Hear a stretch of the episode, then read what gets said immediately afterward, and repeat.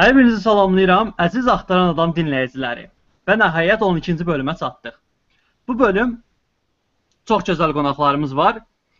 Bu bölüm əsasən danışmaq istədiyimiz mövzular, toxunmaq istədiyimiz məsələlər həvəskar yazıçılardır. Həvəskar yazıçılar başlayarkən necə başlamalı, hansı formada onları dəstəkləmək lazımdır, onların yazılarını necə önə çıxartmaq, oxunmaq, məsləhətlər vermək, hansı səhvlərə fikir vermələri önəmlidir. Bu mövzular haqqında danışacağıq. Qarşımızda 1 saat, 1 saat yarım vaxt var və iki gözəl qonağımız var. E, əvvəlcə Pəri, sən tanıyaq. Xoş gəldin əvvəlcə. Çox sağ olun. E, özün haqqında qısaca məlumat verə bilərsən yazıçılıq fəaliyyətin haqqında. Ha, əlbəttə. E, deməli, həvəskar yazıçı kimi başlamadan əvvəl normal sadə vətəndaş idim və e, necə deyim, yeniyetməliyimə ilə davam edirdim, amma e, həvəskar yazıçı olduqdan sonra bu biraz mənim elə bil ki, həyat yolumu bir qədər dəyişdirdi e, və daha çox bədii kitab oxumağa, e, daha çox düşünməyə, necə deyim, bir qədər özümü sövq elədim və sövq elətdirdi əslində yaz, e, həvəskar yazıçı kimi davam eləmək və 4 ildir yazmağa çalışıram və yaxud qaralayıram belə deyim. E, və ümid edirəm ki, bu davamlı olar. E, bu qədər. E, Ayan, xoş gəldin. Sən tanıyaq. Aha, Çox sağ ol.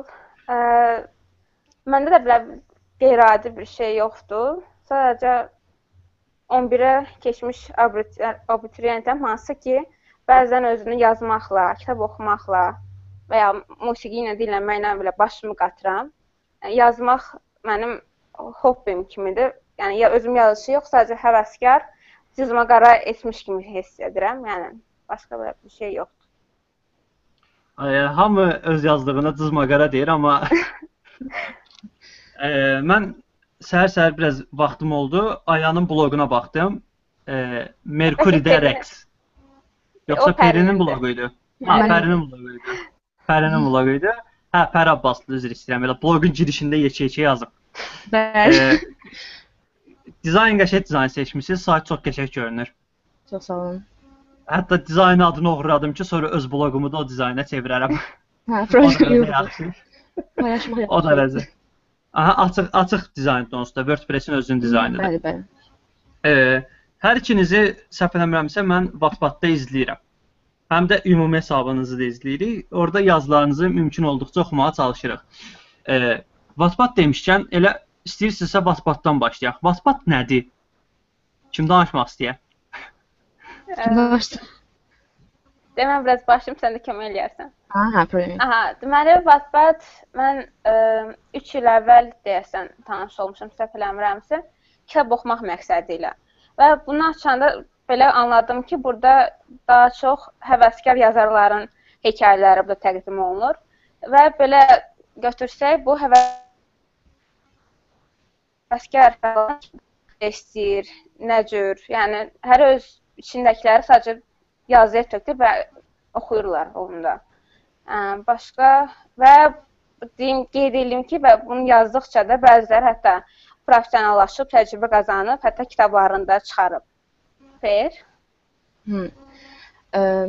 Ayan əslində tam olaraq ə, necə deyim, düz vurğuladı. Bunun əslində o qədər də əlavə edəcək bir şey yoxdur. Sadəcə ə, Wattpad ə, həvəskar yazarlara bir şans verir ki, siz həqiqətən də özünüzü bəyəndirə bilib, yəni yazı baxımından, stil baxımından və yaxud öz düşüncələriniz baxımından ə, özünüzü bəyəndirə bilib özünüzə bir kütlə yığa bilərsiniz və bu sizin kitab çıxarmağınız üçün, ə, yazıçı adını qazanmaq üçün əgər layiqsinizsə sözsüz ki, ə, sözsüz ə, möhtəşəm bir fürsətdir. İnsanlara möhtəşəm bir fürsət verir və düşünsək ki, Wattpad-da əsasən ə, az yaşlılar, belə deyək də, 20 və yaxud 12-16 yaş aralığındakı insanlar ə, istifadə edir. Ə, bu onlar üçün məncə həyatlarının dönüşü kimi bir şeydir deyə düşünürəm. E, Wattpad haqqında danışırıq. E, bunu qeyd edeyim ki, yəni bu yaxınlarda gördüyüm, rastlaşdığım bir şeydir ki, e, sırf tək həvəskar yazıçılar istifadə eləmir. E, tanıdığım bir yazıçı var, hətta yəni 3 kitab müəllifidir.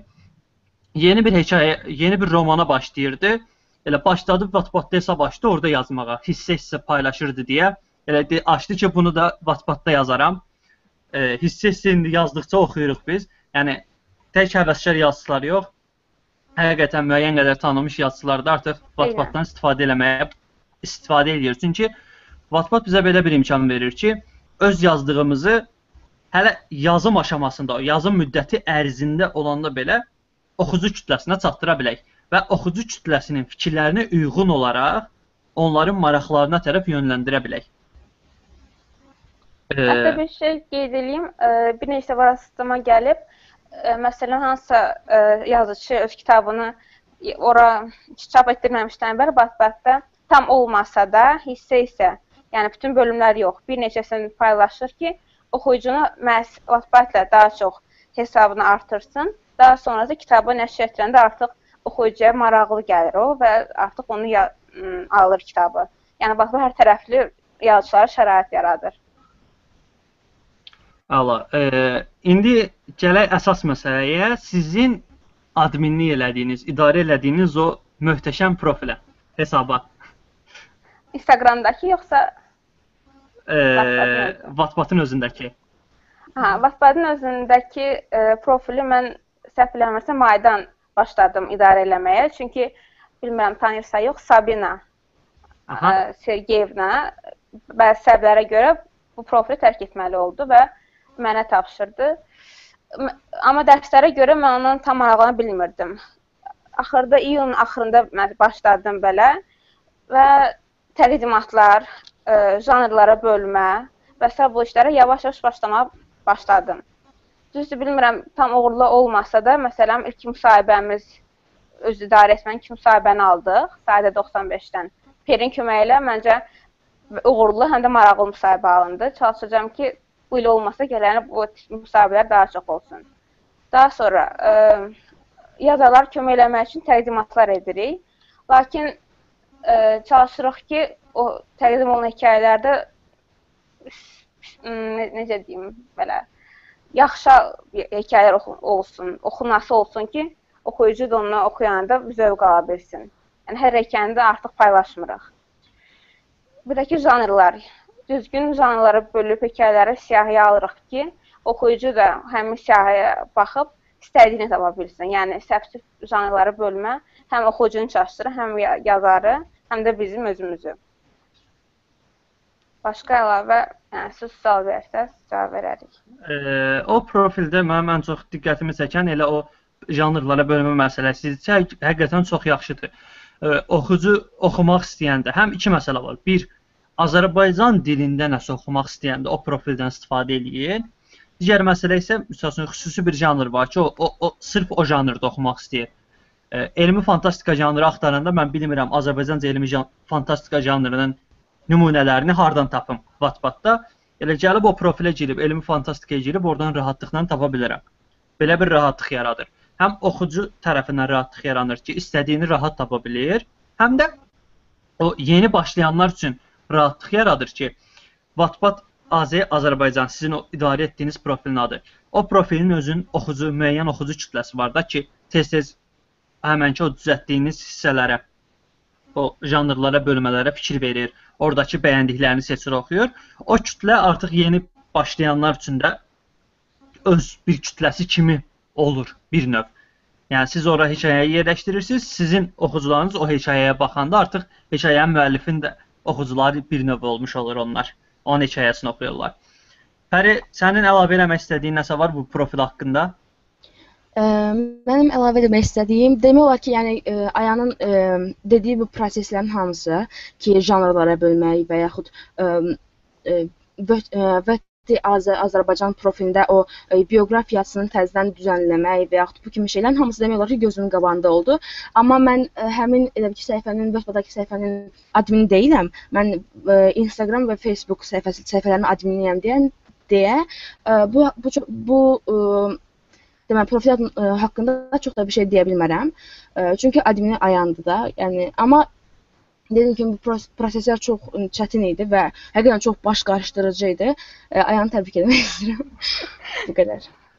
E, Pər o zaman sən sən də elə söz etmişkən e, Instagram və Facebook hesabları, qruplar, profillər, səhifələr haqqında məlumat verərdin zəhmət olmasa. Aha, əlbəttə. Deməli, e, Instagram hesabına biz keçən il ilk öncə Ayan admin oldu, e, sonra mən admin oldum. Artıq bir həftə və yaxud 2-3 gün aralıqla birinci Ayan, sonra mən. E, biz belə e, davamlı oxuyub yeni nəsə oxuyub paylaşmağa başladıq. Çünki yay idi və bekarçılıq, ə, heç bir iş yox idi. Ə, necə deyim, insanlar sadəcə internetlə vaxt öldürə bilirdi deyə həm Westpad az ə, Instagramdakı Westpad az səhifəsinə çox maraq oldu. Çünki normal Viatdən və yaxud Tumblr-dan oğurladığımız şəkilləri paylaşmırdıq. Yəni yazılan hekayələri paylaşırdıq.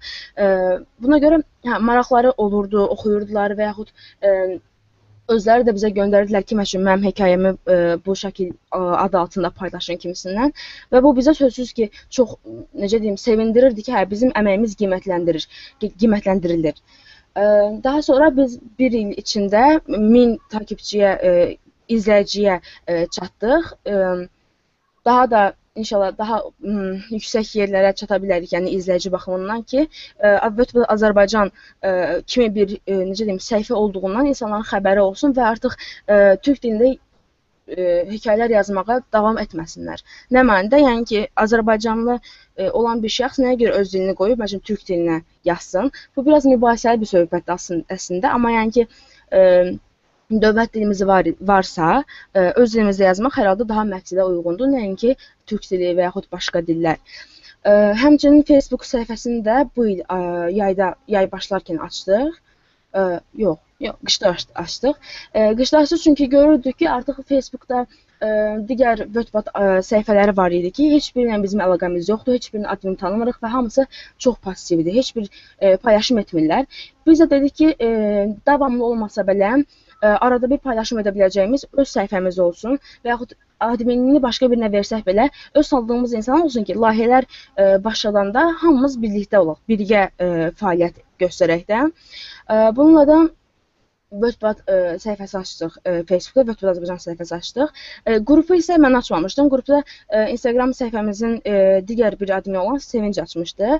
Ə, amma o da ə, necə deyim, Facebookda ə, e, çox aktiv ola bilmədiyi üçün ə, e, orada adminlik, qrupda yəni adminlik e, Evin Məhərrəmov adlı bir Wordpad izləyicisinə keçdi. E, onunla onsuz problem yox idi. O mən onun hekayələrini də oxumuşam və yəni yaxşı idarə edirdi əslində qrupu. E, fəqət sonra biz girəndən sonra o çıxdı. Və belə-belə davam edirik hələ ki. E, Facebook e, deməli izləyicilərimiz 75 nəfərdir deyəsən.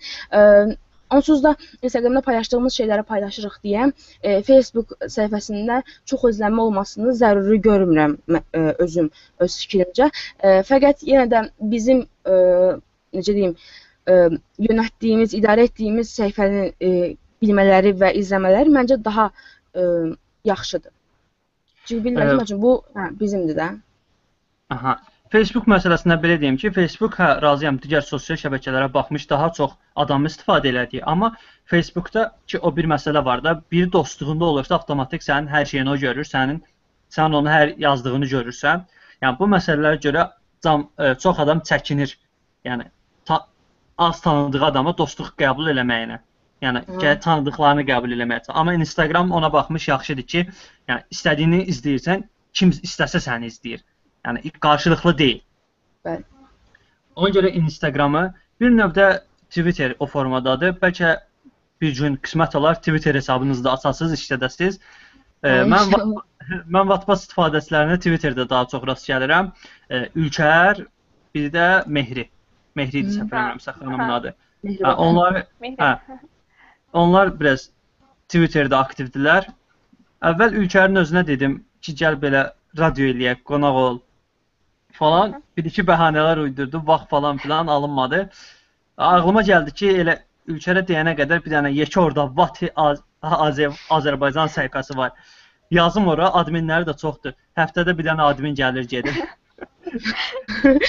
o, o qədər o qədər e, paralel işlər görürsüz ki, o admin olmayanlar belə, yəni gəlir sizlə bərabər işləyir, şərait yaradırsınız, sizlə bərabər nə isə layihələr eləməyinə.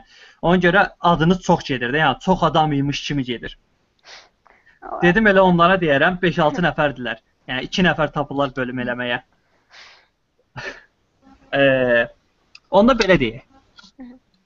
Vati Az Azərbaycan səhifəsinin, yəni WhatsApp-dakı səhifənizin və yaxud ümumiyyətlə sizin bu fəaliyyətinizin, yəni gələcək məqsədləriniz nədir? Gələcəkdə nələr eləməyi düşünürsüz? Ə, mən danışım biraz Fer. Deməli, buyur, buyur. Bu il ə, bəzi səbəblərə görə mənim həvəsim, yəni işte nə qədər bir şey, çox şeylər plan, planlaşdırmışdım, lakin onların yarısından çoxunu edə bilmədim. Lakin gələn il qəbuldan sonra ümid edirəm ki, daha çox şeylər edə biləcəm. Bunlara ə, yenə də təqdimatların daha çox olması, çünki pasiv olmuşam, fikir vermişəm ki, təqdimatların daha çox olması, müsahibələrin də həmçinin daha çox olması və bəzi yarışlar təşkil edə bilərəm, nə bilim, layihələr, ə, yəni əslində bunu eləmək üçün gərək bizim səhifəmiz tam rəsmiləşsin. Bunun üçün gərək e, bizim dilimiz Wattpad-da e, Azərbaycan dili kimi qeyd olunsun ki, bunların hələlik heç biri olmayıb. Bir oxuyucu bizə təklif etmişdi ki, gəlin məktub yazaq Wattpad e, üz səfirliyinə, əsas səfirliyə. Lakin bunun üçün mən fikirləşdim ki, belə də dedim, gəl məktub yazaq, lakin ingilis dilini tam mükəmməl bilməliyik və ə, bunun üçün gərək bir, bizim bir neçə bir neçə daha çox köməkçimiz olsun ki, biz o həmin ə, rəsm rəsm səhifə olandan sonra könüllülər daha çox olsun və biz səhifəni böyüdə bilək. Lakin bu hələlik əlimizdə deyil. E, burada bir şey sözə girmək istəyirəm, üzr istəyirəm. Aha. Mən özüm e, səhv eləmirəmsə Sabinanın özünün profili işlətdiyi zaman e, bir-iki dəfə də mən Sabinadan xahiş eləmişdim ki, mümkünsə əlaqə saxlasın desin. Demişdi ki, e, məlumat vermişəm, o proseslər üzərində iş gedir. Amma bir nəticəsini mən də görmədim. Olmadı amma. Yəni olsa Bəli. daha rahat olardı ki, yəni bir Bəli, kateqoriya bəli. kimi Azərbaycan dilini seçib rahatlıqla. Abi, e, bilmirəm, bir neçə gün əvvəl e, Google-da Wattpad Wikipedia səhifəsinə girdim və e, dillər arasında, yəni dillər yox, səhv etdim. Yəni ölkələr yayılmasına görə Azərbaycan əvvəl yox idisə, indi kimsə tərəfindən Azərbaycan adında orada qeyd olunduğunu görəndə belə bir anlıq sevinc duydum. Yəni dili olmasa, heç olmasa orada adımız Azərbaycan dövlətinin orada adı var. İndi gələn bir neçə ilə yəqin ki, ümid eləyirəm ki, o dili də ora sala bilərik. E, dinləyicilərimizin ağlında belə bir sual yarana bilər ki, yəni biz siz daha doğrusu, yəni VAT-ı Az Azərbaycan səhifəsini idarə edirsiniz. Yazıçıların yazılarını bir yerə yığırsınız, onları paylaşırsınız, kütləyə çatdırmağına bir növ yardımçı, köməkçi olursunuz. Bəs bu yazıçının özünə nə kimi xeyir eləyə bilər ki, siz yəni bu işlə məşğul olursunuz? Yəni bunun e, şəxsi mənada yox, yəni sırf o tək bir yazıçı mənasında yox, ümumiyyətlə Azərbaycandakı bütün həvəskar yazıçılara necə bir köməyi ola bilər ki, yəni bunun arxasınca getmək mütləq lazımdır. Onda Firdevsi məncə.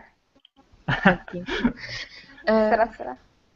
Belə deyim, ə, biz paylaşdığımız ə, hekayələr, ə, daha doğrusu kitablar bir ayanda dedi ki, çalışırıq ki, ə, keyfiyyətli və həqiqətən yaxşı yazılmış və yaxud yaxşılığa doğru gedən, daha ə, orijinal deməli hekayələr olsun ki, insanlar buna baxanda nəsə öyrənə bilsin və yaxud bu hekayə daha çox oxunduqca inkişaf etməli bir necə deyim, yolu olsun. Yəni uzun bir yolu olsun ki, bu yolda inkişaf eləyə getsin.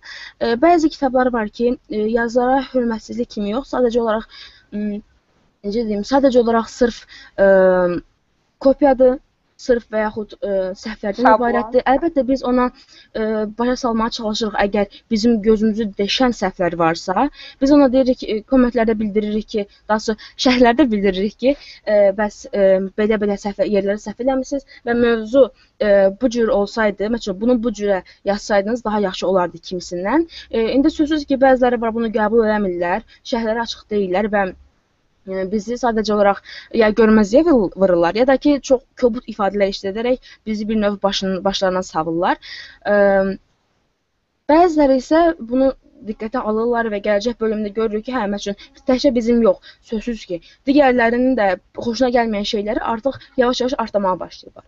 Və bu da dediyim kimi inkişafa gedən bir yoldur və demək ki, hə, qabaqlarında bir yol var ki, bu yolu yavaş-yavaş getməyə başlayırlar. Ə, həmin ə, keyfiyyətli hekayələri və yaxud hə, görürük ki, hə, yəni ki, orijinal bir hekayədir və dəyərə ehtiyacı var, dəyər görülməsinə ə, ehtiyacı var və buna layiqdir. Biz o zaman bunu paylaşarkən ə, ilk növbədə yazara həvəsləndirici bir ə, necə deyim, ə, bir bir addım olur və e, yazara stimul verir. E, çünki məsələn biz də e, məsələn Wordpad azını e, Wordpad azı e, idarə etməmişdən əvvəl mənim də e, Wordpad azda hekayələrimi paylaşanda mən çox sevinirdim ki, hə bəlkə də bir-iki oxucu burdan gələr və yaxud yeni-yeni insanların fikirlərini öyrənmiş ola bilərəm. Bəlkə də e, necə deyim, onlar da birin səhvlərimi deyəcəklər və yaxud onlar da e, yaxınlarına tövsiyə edəcəklər falan kimi. Yəni e, paylaşılan kimi zaman ağlında bir sual yaranır ki, hə bəlkə də bir bir iki oxucu burdan gələ bilər kimisindən. Yəni o da düşünürəm ki, digər yazarlarda da belə olur və belə olduğu halda ə, yazarlar daha çox həvəslənirdilər, daha çox ə, necə deyim, səhvlərini görməklərə bəziləri, ə, səhvlərini görməklərə ə, necə deyim, daha da açıq olurlar ki, hə, bir səhvim varsa deməli bunu düzəltmək lazımdır, çünki səhvlər düzəldilmək üçündür. E, və yaxud e, daha çox bölüm əgər qısadırsa, onu gələcək bölümdə daha da uzun eləmək çabasında olurlar. Bunu eləmək istəyirlər, cəhd edirlər buna. E, və e, bəzən ola bilər ki, məsəl üçün e, bir türk yazıcıdan e, misal verim sizə. E, özünü e, yox, Büşra Küçük Büşra Küçüyün bu dəqiqə 3 kitabı çıxmaq üzrədir və çıxıb artıq və film çıxartmaq üzrədir. Həmin o kitablar da sırf onun fanları tərəfindən çox bu qədər necə deyim, istənilib, dəstəklənilib. Məsələn, Tumblr-da adicə bir həmin o kitabın baş obrazlarından biri olan Vin O'Hare adlı bir model var. Həmin o modelin şəklini görəndə onun adı ilə yox, ə, Büşra Küçüyün kitabında olan Meriç adı ilə səslənirlər və deyirlər ki, bu Meriç deyil axı. Və bununla da söhbət yaranır ki, hə, o Büşra Küçüyün məsələn kitabıdır kimisindən və bununla da daha çox kütlə ə, xəbərdar olurdu ki, Büşra Küçü adında bir qız var və o kitabı yazır. Kitabında bu oğlandan istifadə edib və adı Meriçdir. Məsəl üçün deyirəm. Ə, və bununla da ə, bu misaldan da görmək olar ki, nə qədər çox ə, e, izləyici olsa və insanlar nə qədər adaptasiya olsalar hekayəyə, bir o qədər də ə, e, çox kütlə toplanılır, oxuyucu kütləsi toplanır və on və bu yazarı ə, e, yazarlığa qədər, yazıçılığa belə qədər götürə bilər. Kitab ə, necə deyim, çap etmək ə, pilləsinə belə qədər qaldıra bilər. Yəni ona görə də ə, düzdür. İndi bir addımı bu qədər böyük ə, qlobal problemlərə və yaxud bu qədər böyük bir addıma çevirmək də ə, necə deyim, biraz əslində şişirtmək kimi olur, amma yenə də e, necə deyim, addım-addımı e, şey edikcə, itələdikcə bir-birinə e, belə böyük e, nəticələr ortaya çıxa bilər. Əla. Nə çox danışdım. Ayan orada gözlüyü görəm məsrah vaxtsatacaq. Nə vaxtsacaq bu?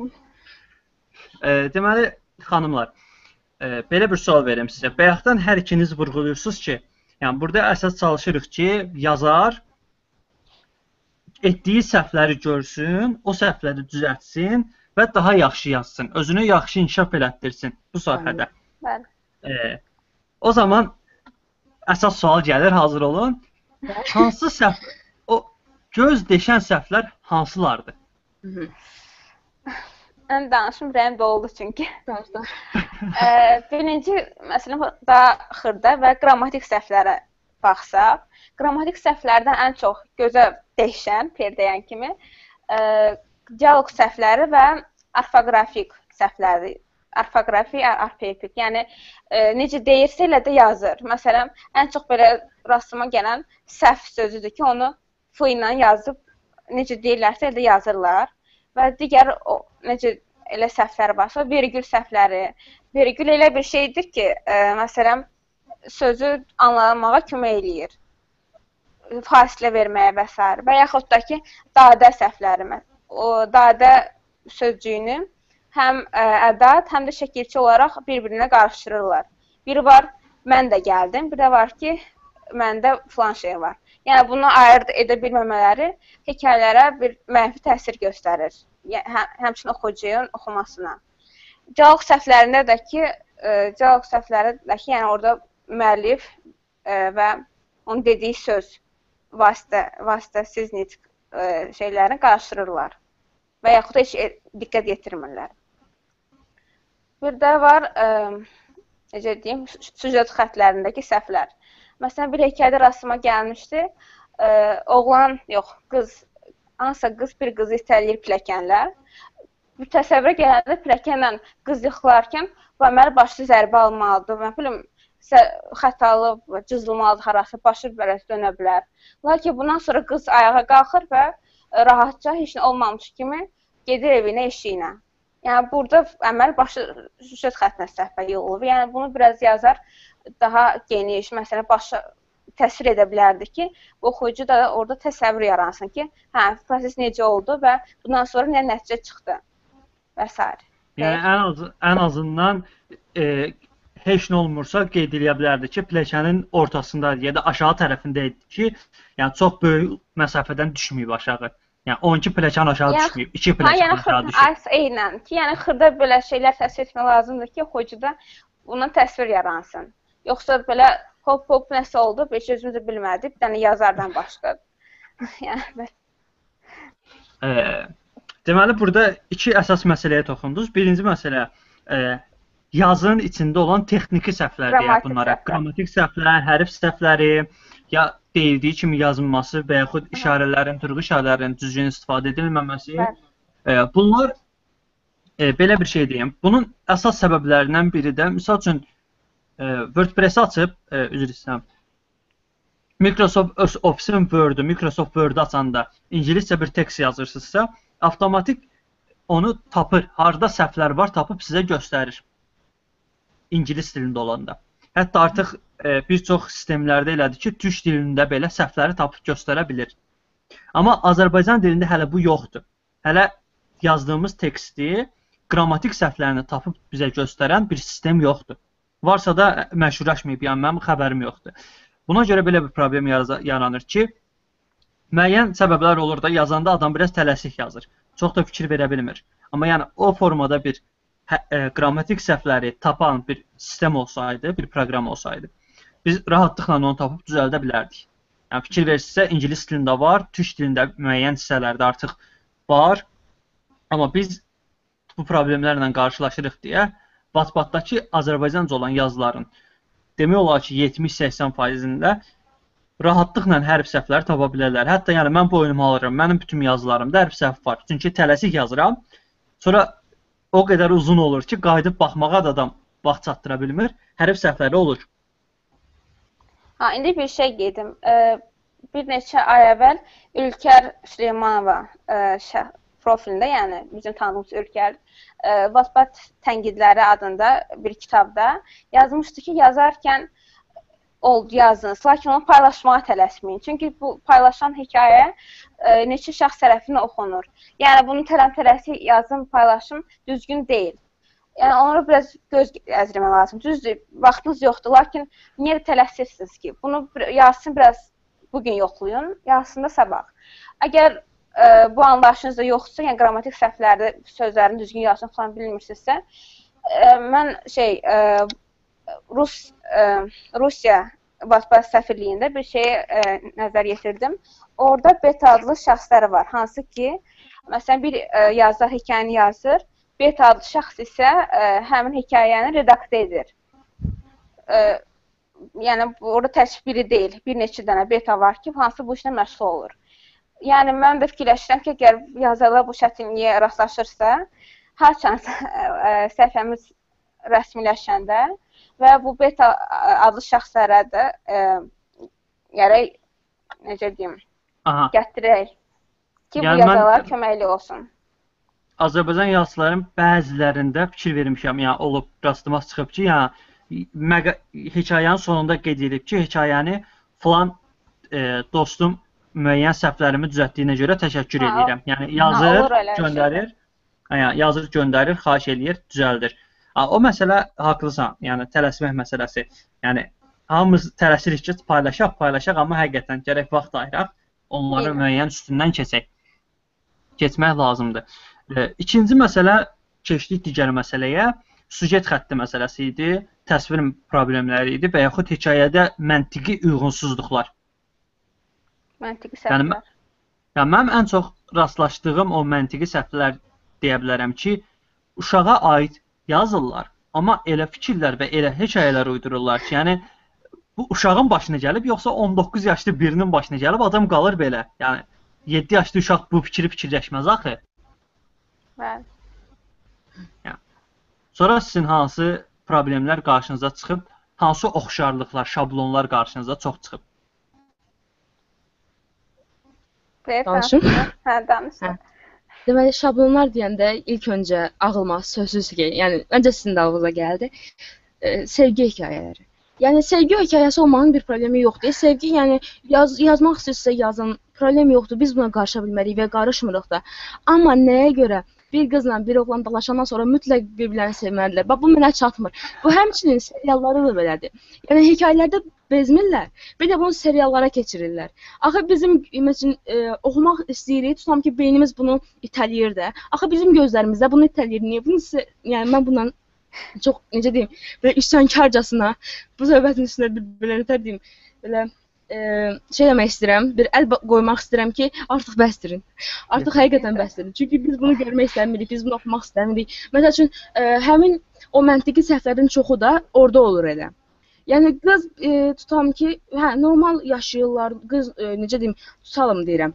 Çətin həyat görmüş bir qızdır, necə deyim, və yaxud həmin kitabda onun atası yoxdur, anasına baxır, işləyir falan filan və oğlan da e, türklər demiş, e, zəngin zübbəsi olur. Yəni ki, çox varlı bir oğlan olur və e, tutalım ki, bunlar dava eləyirlər, nə bilim, qız oğlan başa düşmür, oğlan qızı başa düşmür və bunlar e, finala qədər e, elə bir E, Pərinin səsi kəsildi.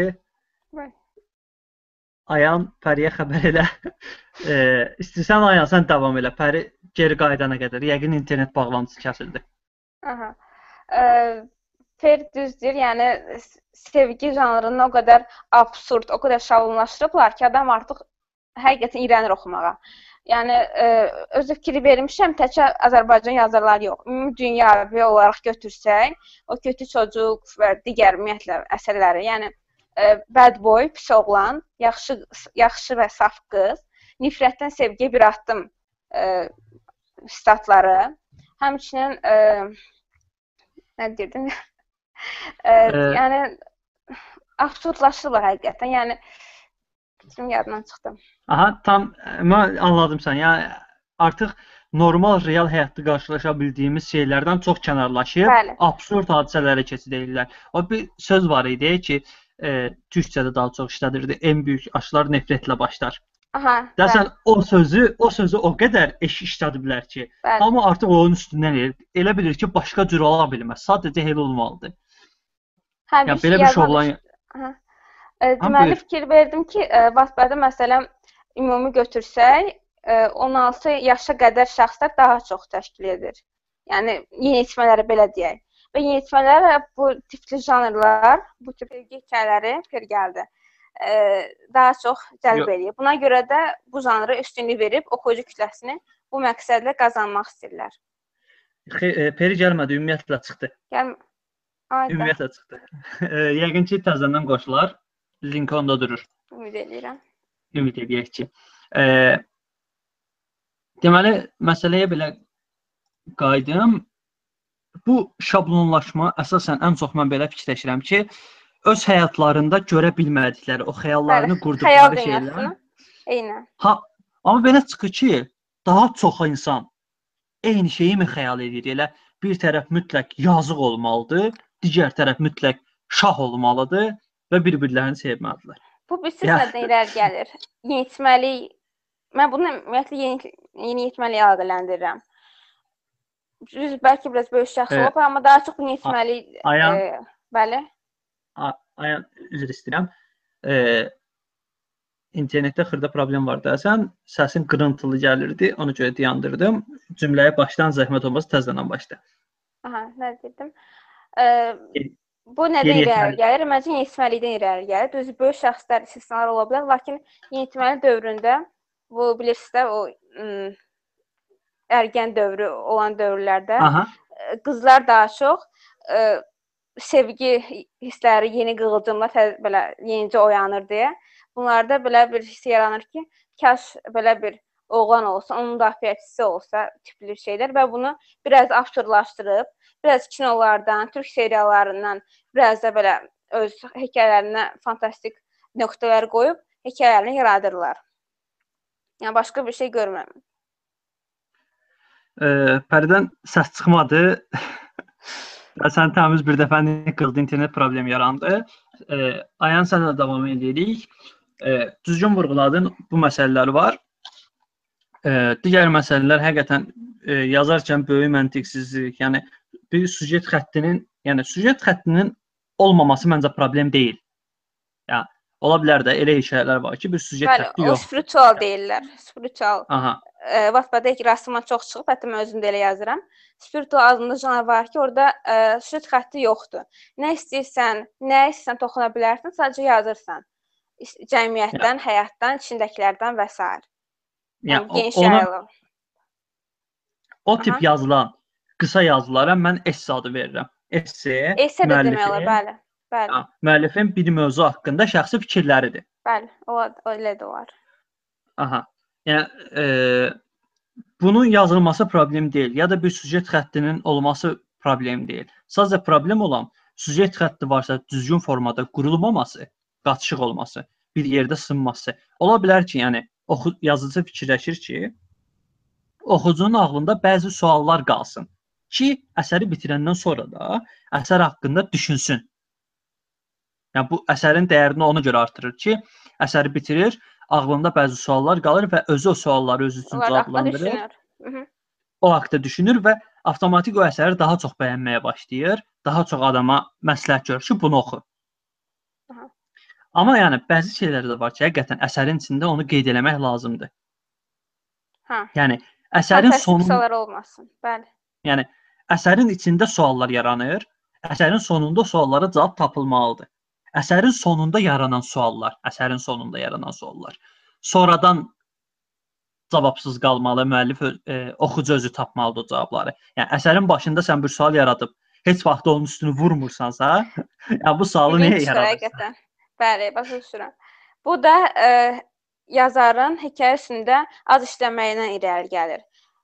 Yəni məsələn, hekayə yazmazdan əvvəl gərək bir plan qurasan. Düzdür, mən də bu səhvlərə bəzən yol vermişəm, lakin təzə-təzə bu şey e, başlamışam. Plan qurmalısan. Obrazlar haqqında, ümumi süjet haqqında ki, nə, necə olacaq. Peri gəldi.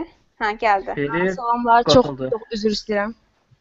Peri, e, Peri daha doğrusu. Bəli. Mən də öyrəşdim Peri Peri deməyə. E, e, Peri, sən yarımçıq qaldın. Gördük sənin səsin gəlmədi, özümüz söhbətə qayıtdıq, sən çıxdın. Hə, yoxdur. Amma amma elə yerdə qalmışdın ki, elə yerdə qalmışdın ki, Hə, belə Pik nöqtədə. o dalıb alıb. O dalıb alıb. hə, kainat da mənə şeylər, mesajlar göndərir ki, çox da bu söhbətə qarışma. Çox da əsəbləşməyə. Hə. İstəyirsən sakit vəziyyətdə davam elə. Ə, sakit vəziyyətdə. Hə, mən de demək istəyirdim ki, əslində, yəni duyğulara biraz ə, necə deyim, bircilik qatılır, axmaqlıq qatılır. Halbuki yəni, normal normal insanlar, yəni normal bir halda yaşasalar daha yaxşıdır.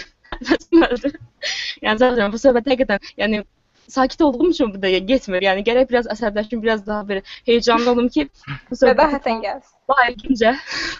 E, tamam. E, Pəri o zaman başqa e, bu struktur, süjet xətti problemlərindən danış. Başqa hansı şablonlara daha çox rastlaşılır? Yəni sevgidən başqa. Ə, sevgidən başqa ola bilər ə, gənc ədəbiyyatın. Gənc ədəbiyyatında ən çox şablonlar olur ki, ilk bölüm bununla başlayır. Deməli, bu gün oyandım. Saat bilim neçədir? Mən məktəbə gec gecikdim. Ə, təzə məktəbə başlayıram. Ə, atamla anamın problemlərinə və yaxud başqa səbəblərə və yaxud keyfim istədi başqa bir məktəbə yerləşdim və yaxud qovulmuşam məktəbdən və düşünürəm ki, yaxşı məktəb olacaq. Kimisindən cümlələrlə başlayır və məktəbə gedirlər. Hamısı məktəbə gedir. Ə, Gənc ədəbiyyatı sırf məktəbə gedən yeniyetmələrdən ibarət olmadığı üçün bu da biraz Məsələn, insan çaşdırır ki, nəyə görə məktəbə gedir? Universitet nə? Və ya hə, universitetdə. Bəli, universitetə gedə bilər. Amma ə, yəni sırf bir yerə getməlidir də. Nə olar ki, bu səhər oyansın və desin ki, hə, mən indi gedib məsəl üçün qab yumalıyam, tutalam yəni. Azərbaycanda yaşayırıq da, amma lüks yaşamırıq axı. Qab yumalıyam və yaxud qardaşımı bağçaya aparmalıyam. Səhv eləmirəmsə, Ülkərin yazısında rast gəlmişdim. Ülkər demişdi ki, yəni niyə heç kim dərs oxuduğunu qeyd eləmir? Hamı dərsə gedir, evə gəlir, onu eləyir, bunu eləyir, amma heç kim dərs oxumur. Bu da bəli, Evet. bu da mənim üçün problemdir. Bir də sujet xətlər xətlərinin şablonluğundan deyə bilmərəm, amma bir yax ayan dedim. Məsələn, tə təsvirin necə deyim, səhhətləşdirilməsi. Yəni biraz ə, təsvir dedikdə insanın fantastikası ən maksimal həddə olmalıdır ki, yəni bunu ən xırda incəliklərə, ən xırda ə, detallara qədər insan gərək versin onu. Çünki oxuyucu ilə qarşı-qarşıyasan. Sənin yazıların səni oxuyucuya ə, necə deyim, ən doğru şəkildə əks etdirməlidir. Və bu baxımdan şablonluğu bir tərəfə qoysaq, çox qısıtlı hekayələr var ki, məsələn baxırsan mövzusu şablon deyil, orijinaldır və yaxşı bir mövzudur. Yəni ötürmək istədiyi fikirlər, ideya əladır. Amma gəl gör ki, məsəl üçün bir bölümə hamısını ötürmək istəyir. Deyir ki, yox, mən bunu da eləyəcəm, onu da eləyəcəm, onu da eləyəcəm. Amma yəni iki əldə 10 qarpız, tutmaq mümkün olmadığı üçün bu da yarım-yarım çoğalır. Nə barədə? E, məsəl üçün e, Rəşad Rəşad Nəsirli var. E, onun bir hekayəsi var idi. E, oğlan qaçır e, meşə kənddə e, səs gəlir, o səsin hardan əks olduğunu, əks olunduğunu bilmək, azan səsinin harda əks olunduğunu bilmək istəyir. Gedir kəndə, ora, bura. Məsəl üçün bu hekayənin orijinallığı mənim çox xoşuma gəldi. Bilmirəm, bəlkə də başqa hekayədə ə, həmin mövzuda toxunublar ya yox. Ə, amma mən onu oxuyanda çox bəyənmişdim. Fəqət məsəl üçün ə, yazar burada biraz sadələşməyə gedib də, yəni ki, cümlələr sadə, ə, təsvir e, qırıntıları, incəlikləri sadə və bu da istərsəməz hekayəni söyüngləşdirir. Amma mən düşünürəm ki, həmin hekayənin təsvirlər biraz daha qabardılsa və daha uzun cümlələrə yer ayrılsa, yəni qorx, yəni yazarlar qorx, qorxmasın ki, uzun cümlə yazanda bunu oxumaq istəmirlər. Əksinə, mən düşünürəm ki, uzun cümlə olanda insanlar bunu oxuyur. Yəni bəzi qismi hə ola bilər ki, yaşı uzun cümlədir, bunu keçim falan deyir. Amma məsələn bəziləri də oxuyur və bir daha dönüb təzədən oxuyur ki, görəsən burada nə məna nə məna var və həqiqətən burada nə demək istəyib. Və bu kimi şeyləri olanda da ə, yəni sadə cümlələrdən istifadə ediləndə insanın bir qədər necə deyim, hekayənin həm olduğu dəyəri hiss eləmədiyi bir yaranır. Üzr, üzr istəyirəm, üzr istəyirəm, üzr istəyirəm xanımlar, araya girdim. Hal-hazırda mənə səsiniz çatmır. Ayan Mən mən də 40-40 gəlir Fərin səsi bayaqdan. e, Pəri internet problemim var, səsin bizə çatmır. Əslində interneti Bəli. burada tam göstərir. Aha, burdayam. Gəlmir. Ha. Gəlir indi. Yox, indi gəldi. Aha. Hə, əslində interneti bu dəqiqə mənim e, e, ki, harca neçə çubuq, 4-5 çubuq var burada, yəni tamdır da əslində. Amma nəyə görə belə olur bilmirəm. E, o qədər həyəcanlanırsan, internetin istəyir ki, biraz sakitləşdirsin səni. Arada, Sahibəm arada ölər. ötürmür. Necə? E, orada kimsə nəsə dedi. Hə, mən də eşitdim, amma kim nə dedi bilmədim. Sən siz demədiniz? Yox. Mən dedim siz dediniz. Ha, yox, mən dedim ki, siz dediniz ki, bəs internet deyir ki, əsəbləşmə. Mən deyirəm ki, yəni deyir yəqin sahibəmdir də, Pəri, yəni bir gün ölsə üstündə qalar. Əsəbləşməsin. E, deməli, bəli, hamısını düz vurğulayırsan. Ayən, bayaq sən də həqiqətən lazımlı məsələlərin üstünə düşdünüz. Amma e, cümləyə fikir verdim. Pəri dedin ki, uzun cümləni bəzi oxucular oxumaq istəyə bilməz. Ya mənim həqiqətən rastıma çıxmayıb. E, ki, desin ki, ortadakı cümlələr uzunda oxumaq istəmirəm. Ümumi mətnin özü böyük olanda, hə, bəziləri deyər ki, çox uzundur, kimdə oxuyaq? Bütün heka e, hekayənin özünü nəzərdə tuturam. Böyük olanda. Yəni Amma yəni içindəki cümləni uzun yazdı, içindəki cümləni qısa yazdı deyə oxuyub oxumayan yazıçılar, oxucular da var, yəni. Yəni oxumayan məsələn, sanki qısa bir cümlə gəldi, məsələn, bu gün hava gözəl idi. Bunu oxudular. Ondan sonra gələndə məsəl üçün e, mən e, həyətdə gəzərkən qulağıma gələn bir səslə arxaya çöndüm və gördüm ki, o ordadır kimisindən cümləni mən demirəm oxumurlar. Oxuyurlar, amma belə başdan sovdu. Necə ki, məsələn, ondan əvvəl sadə cümlə gəlməyib, yəni ki, çox qısa bir cümlə gəlib. Aha. O cümlədən sonra mürəkkəb cümlə olanda məncə mən elə düşünürəm ki, mürəkkəb cümləyə o keçiddə insanlar deyir ki, istəyirdi, istəyir ki, məsələn, bu da e, bunu da məğzi belə sadə olsun və ona görə tez belə adlayıb keçirlər. Məsələn, iki cümlə, üçüncü cümlə, ya dördüncü cümlə 5 6 belə belə düşünürəm mən. Yəni mənim özümdə elə şey olmayıb. E, olubsa da məsələn çox həvəssiz oxuduğum bir e, bədii kitab və yaxud ə, hekayədə kitab, ə, Vötbat hekayəsində ola bilər ki, çox həvəssiz olmuşam və ona görə tez elə axırıncı cümləni də belə başdan sona eləyib çıxmışam hekayədən. Elə ola bilər. Və düşünürəm ki, yəni 7 milyard insandan ən azından mənim təsvirlərimə uyacaq ən azından bir nəfər. Düşünürəm ki, yəni bu ə, uzun cümlədə, yəni biri var hər hekayənin hər cümləsi uzundur. Artıq insan bilir ki, bu hekayənin hər cümləsi uzundur və mən ona görə oxuyumu, oxumayımı? Amma belə müxtəlif cümlə, uz, uzunluqda cümlələr, müxtəlif ə, içərikli cümlələr olanda məncə bəzən olur ki, məsəl üçün insanlar başdan sona eləyə bilirlər. Ə, bir Ha, şey də əlavə ola bilər edeyim. ki, cümlə çox uzun. Ayağım, Siz danışın. e, bizə saniyə. Hə? Aha. E, ola bilər ki, cümlə çox uzun olanda, yəni bəzi oxucular cüm deyir, cümlənin sonuna çatanda başını unutdum. yəni ona görə problem yaranır, uzun cümlə oxumaq istəmirlər. Sən bəli, qayda. o da ola bilər. Ə, uzun cümlə ilə yanaşı gərək cümlə biraz belə loru dilləsə bəzə düzəyə qatmaq lazımdır ki, o cümlənin belə ahəng gəlsin, rəng gəlsin. Məsələn, bədii ifadə vasitələri 3-cü qrupda oxuyanlar yaxşı bilər. Orda epitet var, metafora və s. o. Yəni bədii ifadə vasitələri ə, və digər yəni o cümləni biraz gözəlləşdirmək lazımdır ki, oxuyanda o belə yax kimi gəlsin. Bir var el elmi cümlələr, məsələn, dərs cümlələri niyə bizə maraqsız gəlir, yuxumuz gəlir hətta. Yəni o elmi cümlələr kimi deyil, onu bədiiləşdirmək lazımdır ki, oxuyucu ondan oxuyarkən uzun cümlə olsa da onu zövq ala bilsin. Yəni fikrim belədir. Hə, e, əlavələri var məsələyə kiminsə? Yoxdur. Səs gəlmədi. E, deməli, e, Səfirlər idi yoxsa Anna Karenina əsərində idi? Tam xatırlamıram. Dəsən Səfirlər əsərində idi ki, e, bir cümlə 3-4 səhifə gedirdi. Aha, bəli. Yəni elə. Ha, elə kitablarda elə uzun cümlələr var. Hətta kinonun birində demişdi ki, adamın cümləsini tamamlamağını gözləyirdik ki, sözünü kəsək. E, qoymayaq da danışmasın. Adam Hı. bir cümlə danışdı, bütün danışıq boyu, amma 3 saat danışdı. Hansısa kinoda belə bir epizod var idi ki, yəni bir cümlə danışdı, qoymadı ki, sözünü kəsək. Cümləsini qutaranda hər şeyi demişdi. Ona görə uzun cümlələr işlədilən yerlər də var. Əla.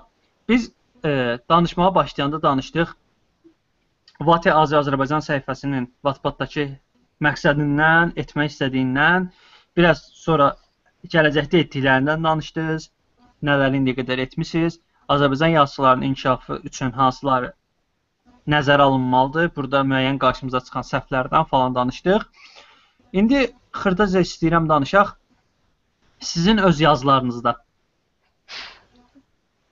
Biraz da özünüzü e, yazılarınız nə vəziyyətdədir, nə yerdədir? Aralarında həqiqətən uğurludur dediyiniz varmı, yoxsa hələ sizi razı salan, uğuru qazanan əsəriniz yoxdur? E, Kim başlasın? elə pəri başda. Ay, o sual verməyəcəkdim. Hə, e, deməli başlayım onda.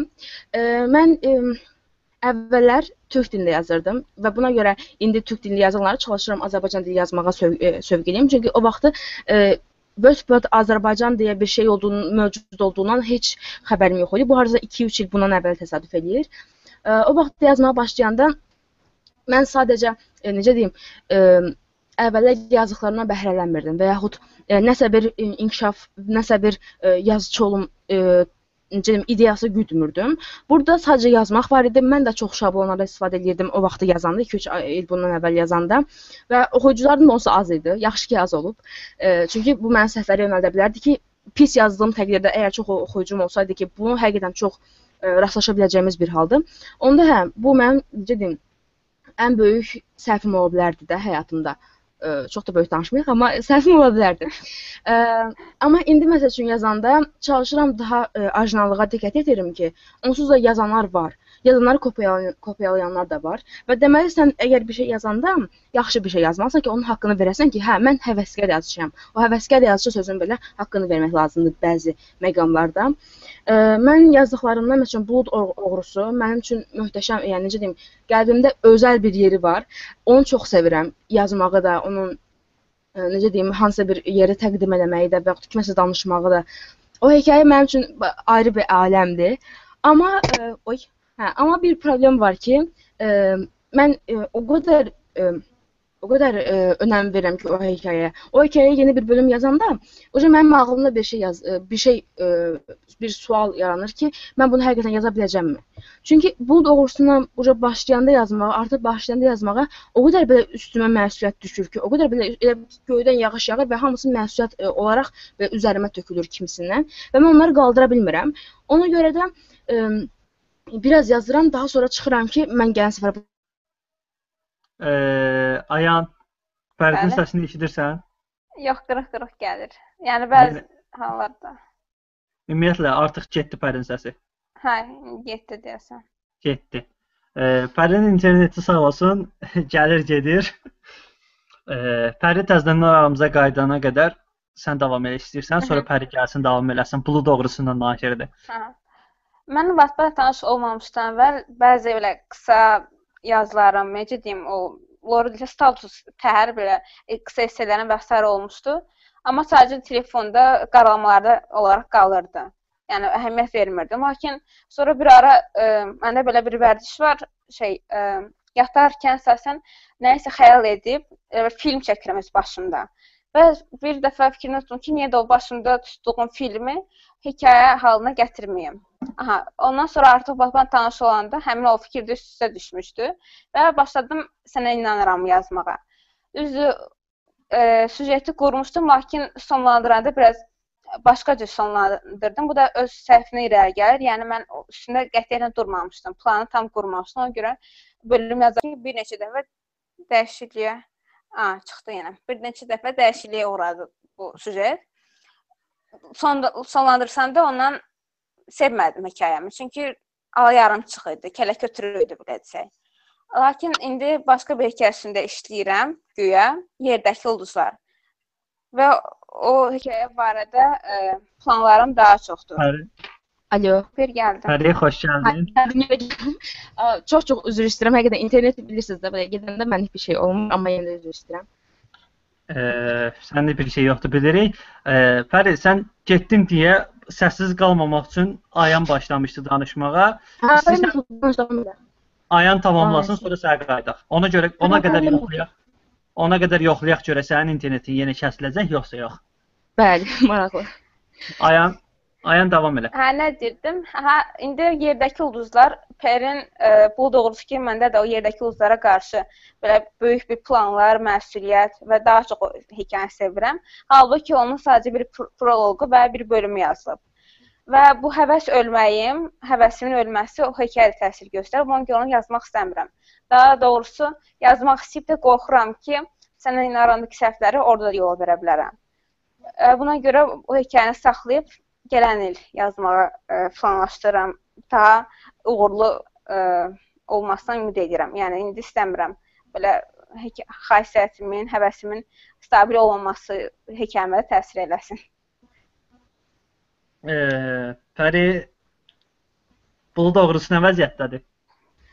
Ha, oradan qurtarıb məndə. oradan kəsilmişəm. Orada kəsilmisən. Hə, Yaxşı, ondan davam edeyim. Eee Bu doğrusu bəli, çox məsləhətli olub deyə mənə 9 bölüm ya da 7 bölüm falan belə qalıb. Onu davam edə bilmirəm. Davam etdikcə, bölüm yazmaq istədikcə məndə belə bir e, necə deyim, bir nətər deyim, belə bir fikirlər gəlir ki, e, yəni yaza bilərsən, amma bunun haqqını verə biləcəksənmi? Orada sual işarəsi var. Yəni ona görə də e, tam hazır olmamış ayan kimi, yəni tam hazır olmamış yaza bilmirəm. E, bundan əlavə məndə e, səfeh var idi. Ə, Həmin o səfeh ə, deməli gənc ədəbiyyatı, bayaq dediyim ə, o səhər oyandım, durdum söhbətdə həmin şeyin nöqtəsinə və nöqtəsinə qədər səfehdə var idim. Yenə getdim. Fəri yox, e, çox qırıq-qırıq gəlir səsin.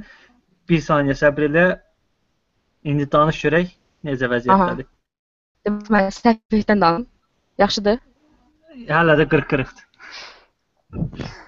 Da dinləyicilər, əziz dinləyicilərimiz, həqiqətən bizlik bir şey yoxdur. İnternetin problemləridir.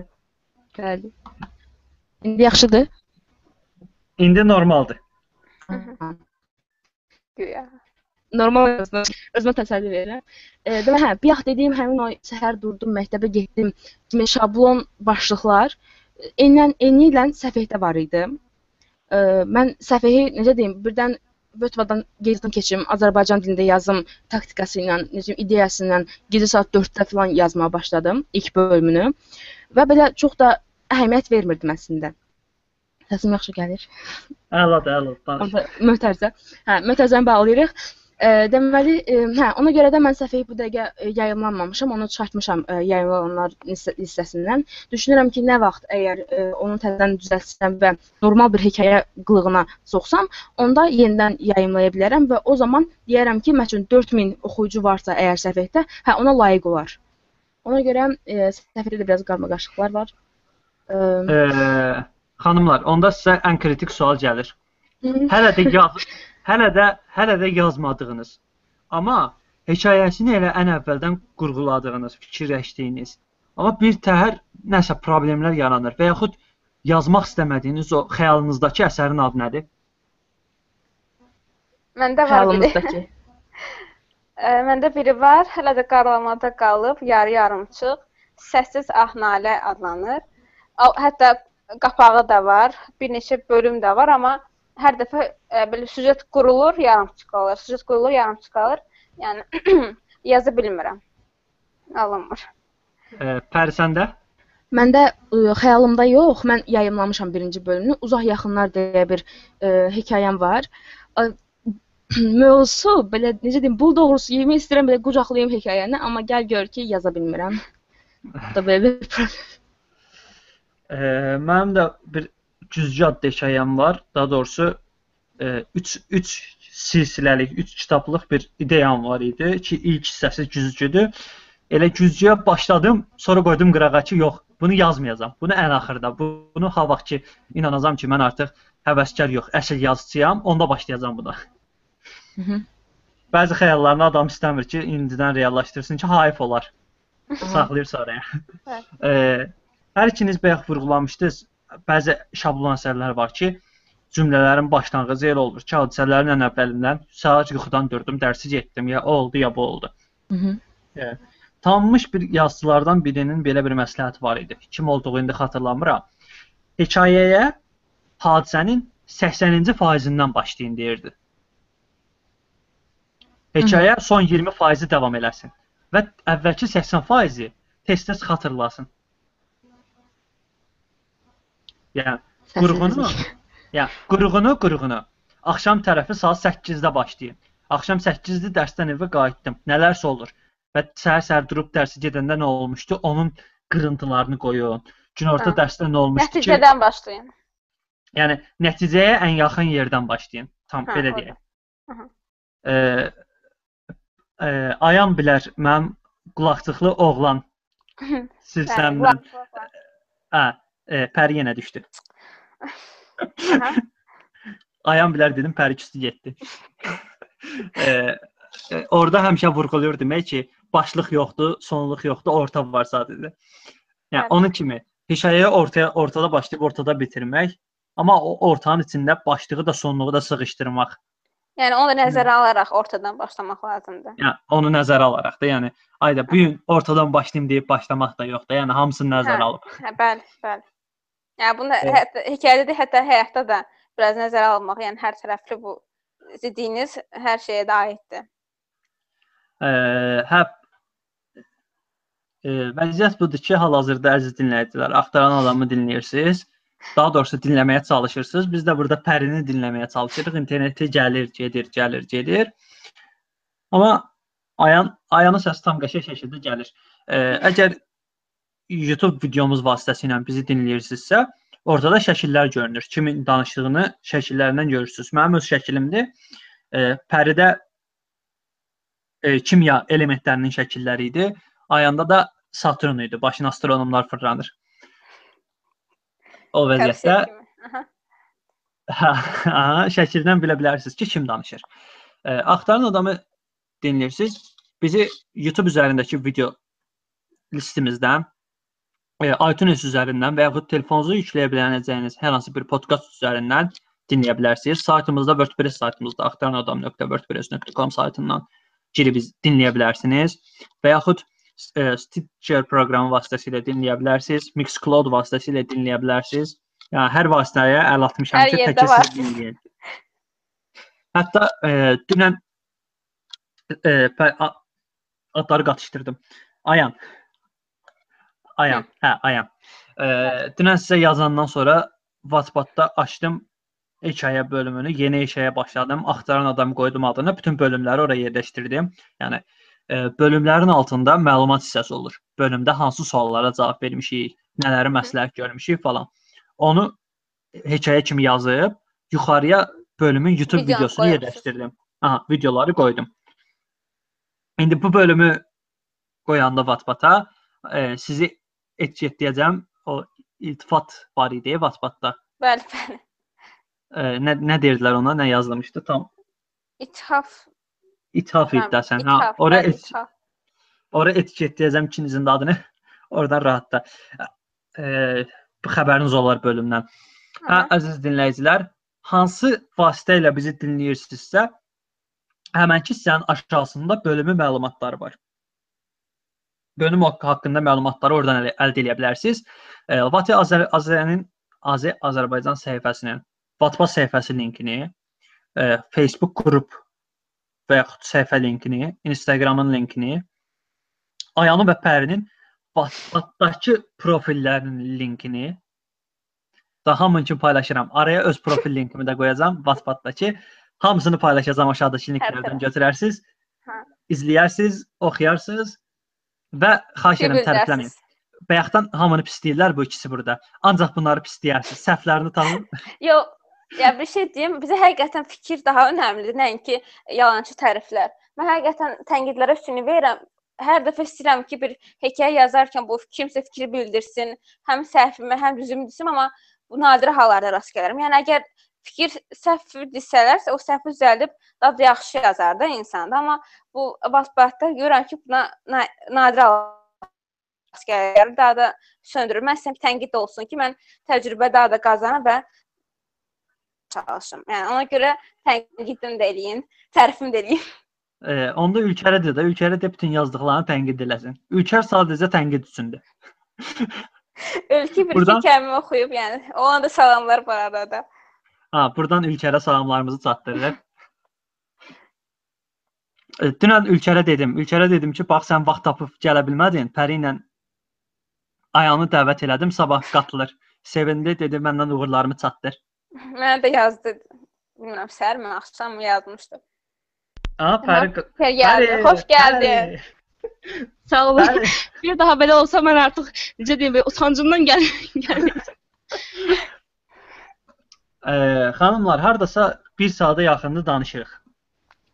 Ay, mən Bura- qorxurdum ki, bir saat danışa bilməyəcək. Amma Hə. bol-bol danışmışıq maşallah. Aha. Yox, Pə- Pərinin hələ interneti kəsilib deyə biz 1 saat danışmışıq. Yoxsa hələ 2 saat danışardıq.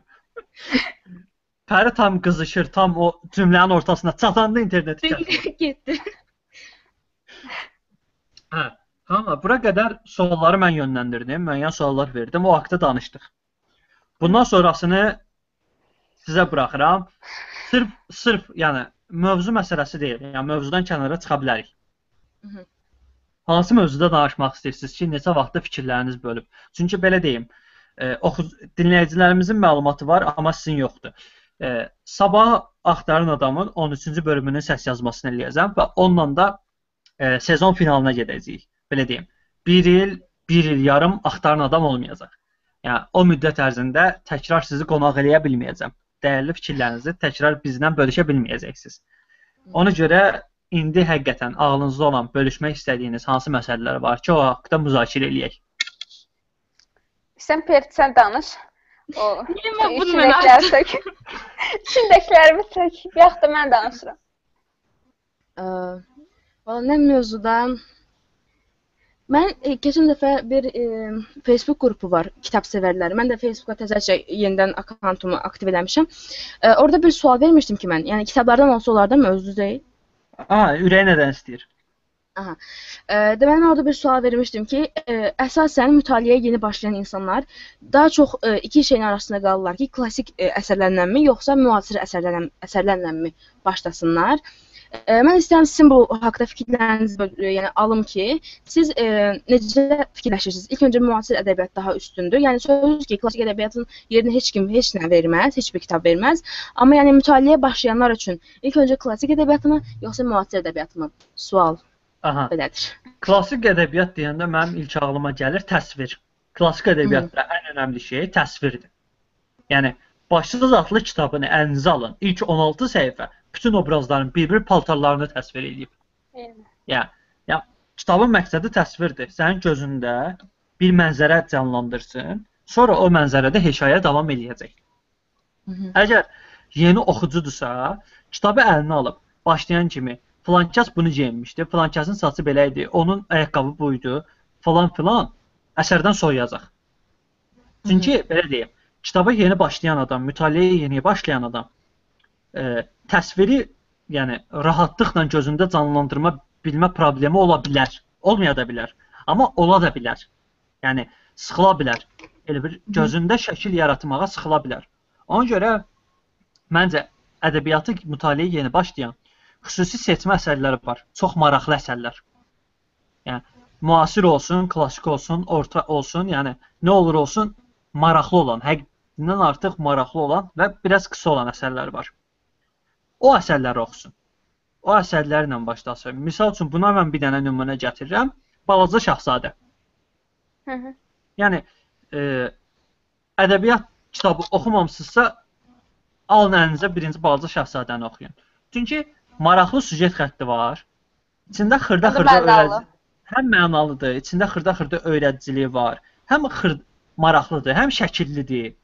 Yəni kitabdan qorxmursunuz da, yəni əlinizə alırsınız ki, "Ə, bunu mən 10 il oxuyaram" demirsiniz.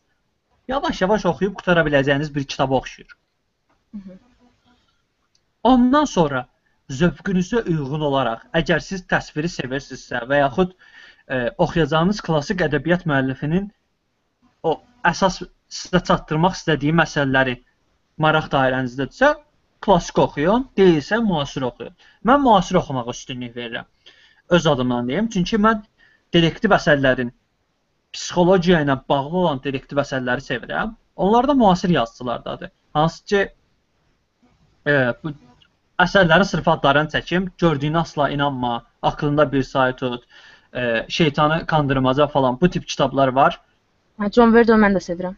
Aha, yəni o o, o olasılıqsız Adam Faber'in kitabı olasılıqsız, empati. Yəni bu kitablar həqiqətən müasirdir və çox maraqlıdır. Mənə maraqlı gəlir. Mən onları oxuyuram. O tip kitabları oxuyuram.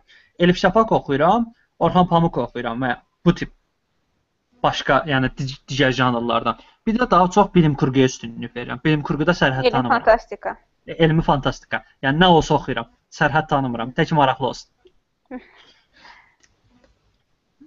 E, səndə nə vəziyyətdədir Pəri? Sən nə fikirdəsən? Yaxşı sualı verdin, qaçdın. Ə, mən fikirləşirəm ki, ə, insanlar, yəni mən özüm əsasən klassik ədəbiyyat oxuyuram. Çünki ə, mən fikirləşirəm ki, klassik ədəbiyyat oxumayan insan müasir ədəbiyyata necə deyim, ə, düzgün bir baxışla, düzgün bir ə, fikirlə, tərzlə şey edə bilməz, ə, şərh edə bilməz onu. Yaxud tənqid ed- məsəl üçün deyirəm. Tənqid edə bilməz çünki ə, klassik klassik ədəbiyyat dilində Klassik ədəbiyyat məncə ədəbiyyatın belə zəminidir və həmin o təsvir siz de- dediyiniz kimi də ə, daha çox ə, bədii təsvir, ə, daha o nəsihətamiz mövzular, fikirlər, mənəvi cəhətdən insanı zənginləşdirəcək şeylərin hamısı məncə əsasən klassik ədəbiyyatlarda ədəbiyyat deməli nümunələrində birləşib və ona görə də insan məsəl üçün bir insan klassik ədəbiyyatla başlasa, daha sonra müasir ədəbiyyata yönəlsə, o məncə daha məqsədə uyğun olar. Çünki klassik ədəbiyyatın çətinliklərini görmüş insan e, müasir ədəbiyyatı asanlıqla oxuya bilər. Yəni mən demirəm müasir ədəbiyyatın hamısı asandır və yaxud nəsə. Yəni Dan Brown var, məsəl üçün çox qalın kitablar və insanın ağlını çox qarışdıra biləcək e, şeylərdən yazır. E, Məsələn, e, klassik, yəni dediyim kimi, klassik ədəbiyyat oxuyan bir insan e, yiyələnə bilər həmin o fikirlərə, müasir ədəbiyyatda olanlara. E, yəni o barədə düşünürəm ki, klassik ədəbiyyat daha e, başlamaq üçün daha yaxşıdır. E, sənlə razıyam. Yəni e, təsvir məsələsinə qalanda həqiqətən düz deyirsən. Yəni klassik ədəbiyyat oxuyub artıq rahatlıqla beynində hansısa səhnəni təsvir eləməyi bacara bilməyən adam müasir ədəbiyyat oxuyanda ümumiyyətlə təsvir eləyə bilməyəcək. Çünki müasir ədəbiyyat aksiyona gedir, hərəkətə gedir. Hərəkət. Yəni harda olduğun və yaxud hansı rəngdə köynək geyindiyin önəmli deyil. Qaçmağın önəmlidir. Hara Aha. qaçdığın mənzərənin necə olmağını da çox qısa təsvir edirlər. Yəni sadəcə qaçdığın yolu təsvir edirlər. Yolun qırağındakı binaları yox. Ona görə də yəni bir müddət həqiqətən klassik ədəbiyyat oxuyub ə, rahatlıqla təsvir eləmə qabiliyyətimizi gücləndirməliyik ki, müasir ədəbiyyat oxuyanda o bir cümlə ilə artıq mənzərəni qura bilək. Yoxsa, yəni kim hara qaçır, hara qaçdı, necə qaçdı, nə ilə qaçdı, qalacaq belə sual içində. E, Ayan sən bu haqda Hə, qeyd edeyim. Ə, mən məsələn özüm də penlə razılaşıram və əgər ə, yazmaq istəyirsə bir insan, yəni həvəsi yazardısa, o özü də ə, klassik ədəbiyyatdan başlamalıdır. Niyə? Çünki hə, per demişəm, artıq baza gərək olsun ki, sonra onu özünküləşdirib öz ə, yazısını qələmə töksün də. Yəni ona görə mən klassik ədəbiyyata üstünlük verirəm ki, var şagirddən dərs alasan, bir də var ki, elə müəllimin özündən. Düzdür, şagirdin dili daha asandır, amma müəllim ə, daha dərin biliklərə ə, yiyələnmişdir. də. Ona görə müəllimdən dərs almaq daha məqsədə uyğundur. Ona görə klassik ədəbiyyata mən də üstünlük verirəm. Amma əgər yazar ə, həvəskar yazar deyilsə, onun gələcək planı yazıcı olmaq deyilsə, məndə də deyil, amma yəni də hər halda oxuyucusa hə, onda müasir ədəbiyyatda yəni ümumiyyətlə oxumaq istəyirsə sadəcə hərəkəti görməsi, hə, buyursun müasir ədəbiyyatını oxusun. Fikrimdə belədir. xanımlar, Ayan, bayaq fikir verdinsə, ə, Pəri çıxanda arxada qırıltı itdi. Bütün qırıltı Pəridən gəlir. Niyə deyirsiniz? Pəri, hansı mikrofonu işlədirsən, qulaqçığı işlədirsən bilmirəm amma deyəsən külək olan yerdə oturmusan. Küləyin bütün qırıltıları vurur. Nasıl pəncərəni bağlamışam istəyərək mən. Burada oturmuşam ki, nə var, nə var. Heç e, yəni ki, e, pəncərə açıq olmayan yerdə otura bilmərəm, amma pəncərəni bağlamışam. Demək, otağı bağlamışam, qapıları bağlamışam ki, heç bir səs e, sizi mane, yəni bizə ümumiyyətlə mane olmasın. Amma yenə problem gəlib məni tapır. Yəqin ki, o e, kompüterdə olan boşluqdandır, o şnur taxmaq üçün olan yerdə olan boşluqdandır. Ola Hə, yenə bilsin. Gir. Pərin səsi kəsildi, ümid edirəm amma bizləndir. Hə, burada. Aha. Burdadır. Yəni, Artıq sevinmək vaxtıdır. Oradakı tokla oynayırsan deyəsən Pəri. Bəli. Ayan, Bəli. sənə qayıdaq. İndi kritik sual sənin sırandır. Bir qəşəng kritik sual ver. Ə, ağlımda bir şey yoxdur. Yəni deyim, son vaxtlar ağlıma bir şey gəlməyib, ya rastıma çıxmayıb. Ə, Sıxamazsın, xəbəriniz yoxdur, amma ya sizə məlumat verim. Dinləyicilərimiz bilir ki, axtaran adamın məqsədi suallar axtarıb, sualların cavabını tapmaqdır. Suallar üzərindən gedir. Yəni bütün bölümlərimizin aşağı məlumat hissələrinə baxsaz ancaq suallardır. Yəni bu bölüm hansı suallara cavab tapdıq? Yəni ona görə deyirəm ki, yəni sual verin, biz o sualın cavabını tapmağa çalışaq, müzakirə edək. Kürəsini ayan, dönür. Allah verməsə. ayan. Ya ağlıma bir şey həqiqətən gəlmir. Əla. Gəl. Onda elə mən bu sualı verim sənə. Niyə ağlımıza sual gəlmir? Fikirlər qarışıqdır bəlkə. Ya e, dediyini, daha doğrusu fikirləşdiyini deməkdən çəkinir. Tamam, onda de görək indi nədən çəkinirsən?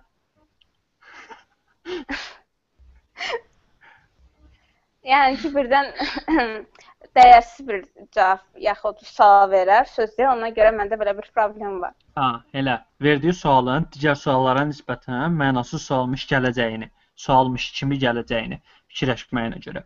O zaman deyək ki, bizim verilişdə sualların mənalı və mənasız olduğuna baxmırıq. Bütün suallara baxırıq. E, Bu belə həyəcanlanıcı gülüş idi, qeyd edeyim ki. Fəris süpərədir orada. Nəsə görsən bu dəqiqə internet qopacaqmış kimi hiss edirəm. Deyirəm yavaş yavaş çəkim. Xəttin üstündə durub Fəri gözləyir. Yəni tərpənsəm qopacaq internet. Eynən. Xanımlar, e, Yes, canlı danışın. yayın. Məncə məni ötürmək lazımdır. səbləşmə. Məni ötürün. Ə, ə, xanımlar, canlı yayın olduğundan, daha doğrusu internet vasitəsilə səs yazma elədiyimiz üçün ə, art ortaya mahnı qoya bilmirəm. Çox təəssüf edirəm ki, yəni normalda ə, tanışların yanına gedirəm, görüşürük, yığışırıq bir yerə, səs yazma eləyirik. Ortada yorulanda stop eləyib bir dənə mahnı qoyuruq. Özümüz üçün fikirləşirik də nədən danışaq, sonra təzədən başlayırıq. Artıq sizlə belə canlı yayın olanda artıq o stop eləmə problemi ol- olur, problem olur deyə mahnı qoya bilmirəm. Mahnısız bir bölüm olacaq, üzrlü sayın. Problem Amma-. Amma xüs- xüsusi bir mahnı istəyiniz olsa, sona artırmağa çalışaram. Evet, xüsusi bir mahnı. Biz bəlkə arada bir zümzümə Elə artıq Hə, dəsən suallar qutardı. Dəsən bölümü Hə, yekunlaşdırmanın vaxtıdır. Bölümü yekunlaşdırmanın vaxtıdır. Ayan oradan dua elə ki, qutarsaydı da, qutarsaydı da. E, hardasa 1 saat 10 dəqiqə falan oldu. Yaxşıdır. Tam Hasillərdən sıra bilmirəm. E, Pərinin getgəlləri ilə. Fasilə- Mən oluram. Hasillər. Pəri düzün də qıtqat yemirdin. Yox, yox, qətiyyən. Hə. Tamam. Əziz dinləyicilər, Axtaran adamı dinləyirdiniz. Bu gün qonağımız çox dəyərli Wattpad istifadəçiləri, Wattpad Azər Azərbaycan səhifəsinin idarə edənləri, Instagram olsun, Facebook olsun, e, Wattpadın özündə olsun. 2 dənə gözəl gələcəyin uğurlu yazıçıları Pəri və Ayan idi. E, Pəri sən burada yox idin. E, sən qı- kəsilmişdin yenə internetdən. Mən Ayana dedim ki, bizim sizin daha doğrusu WhatsApp profil linklərini aşağıdan yerləşdirəcəm. Bayaqdan hamını pisləyirsiniz. Hamısı girib yazılarınızı belə dırnaq içərisində tərifləsinlər. Bəli. Oxumağa, yəni ki, hazır istəsəz, yəni ki, bizim hekayələrimiz orada tənqidə, şərhə, nə bilim, komplimentə, ən belə Hər şey satirik, nə bilim, hər şeyə hazırıq, bəli. Yəni millət, Zırhlarımızı geyinmişik. millət, yəni bu bölüm əziz dinləyicilər, bu bölümü Ayanla Pərini reklam üçün çəkmişdik. e, girib yazılarını oxuyarsınız xanımların. E, Pərinin bloquna göz atarsınız. Dizaynı çox qəşəngdir. Yəni Təşəkkür hər dəfə qəşəngdir Həmçinin deyirəm. yazıları da. E, özü güya dizayn verib, yəni hazır dizayn işlədir. Amma Bəli, bəli. Amma ona da vaxt ayırıb da oturub o boyda dizayn içindən seçib qəşəng dizayn tapıb. O loqoların hər birini mən 1 saat Eyb yox eyb. yox. Yox, çox qəşəngdir. Mən özüm vurdum o dizaynı öz saytımda görünməyini, görüm necə görünəcək. Gördüm ki, hə, əksikliklər var. Xüsusi olaraq nəyinsə üstündə işləmisən. Bəli. Xırda xırdalıqlar var. Hayır ki dedi. Perin sürüləri.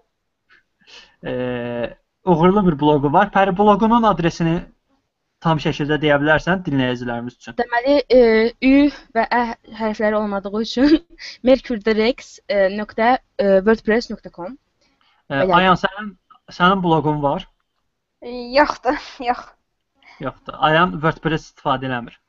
Bəli. Əziz dinləyicilər, elə bizim bloqumuzu da bilirsiniz. axtaranadam.wordpress.com. E, mənim şəxsi bloqum da muzafferus.com.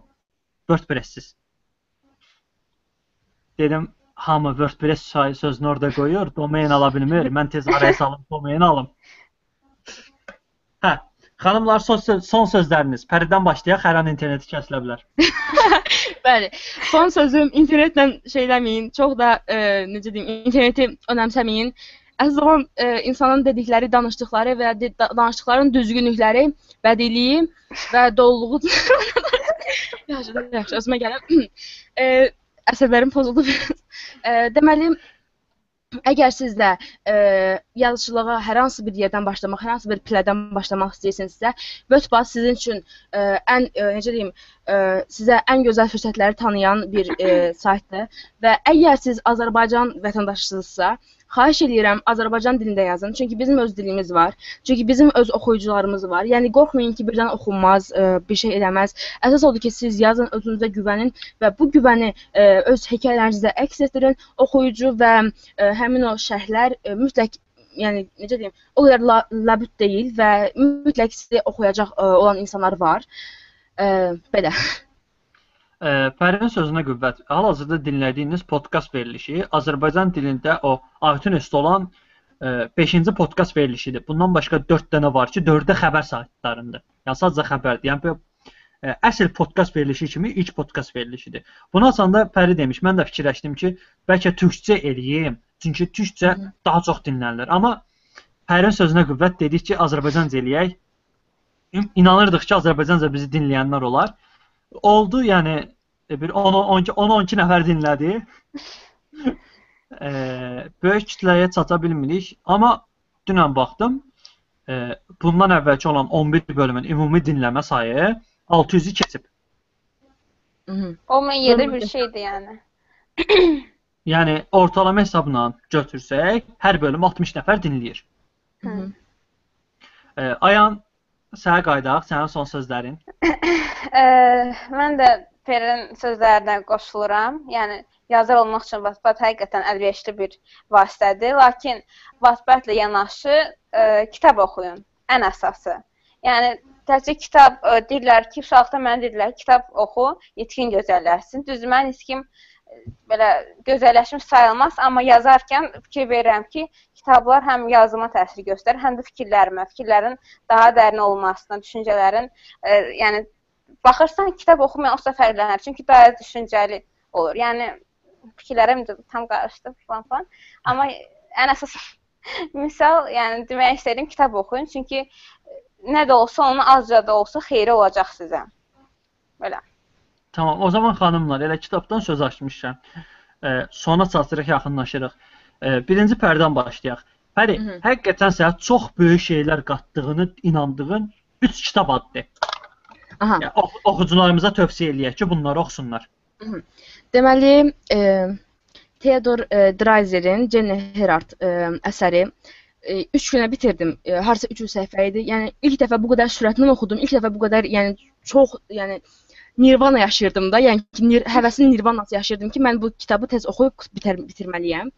E, daha sonra e, daha sonra qaldım belə. E, İstəyirsən sən fikirləşənə qədər ayana keçək. aha, məncə də. Ə, məndə klassik demişdim, amma müasir ədəbiyyatdan misal çəkəcəm. Ə, Daniel Kiz El Jordan üçün güllər mənə belə çox təsir elədi hər tərəfli. Hani psixoloji idi.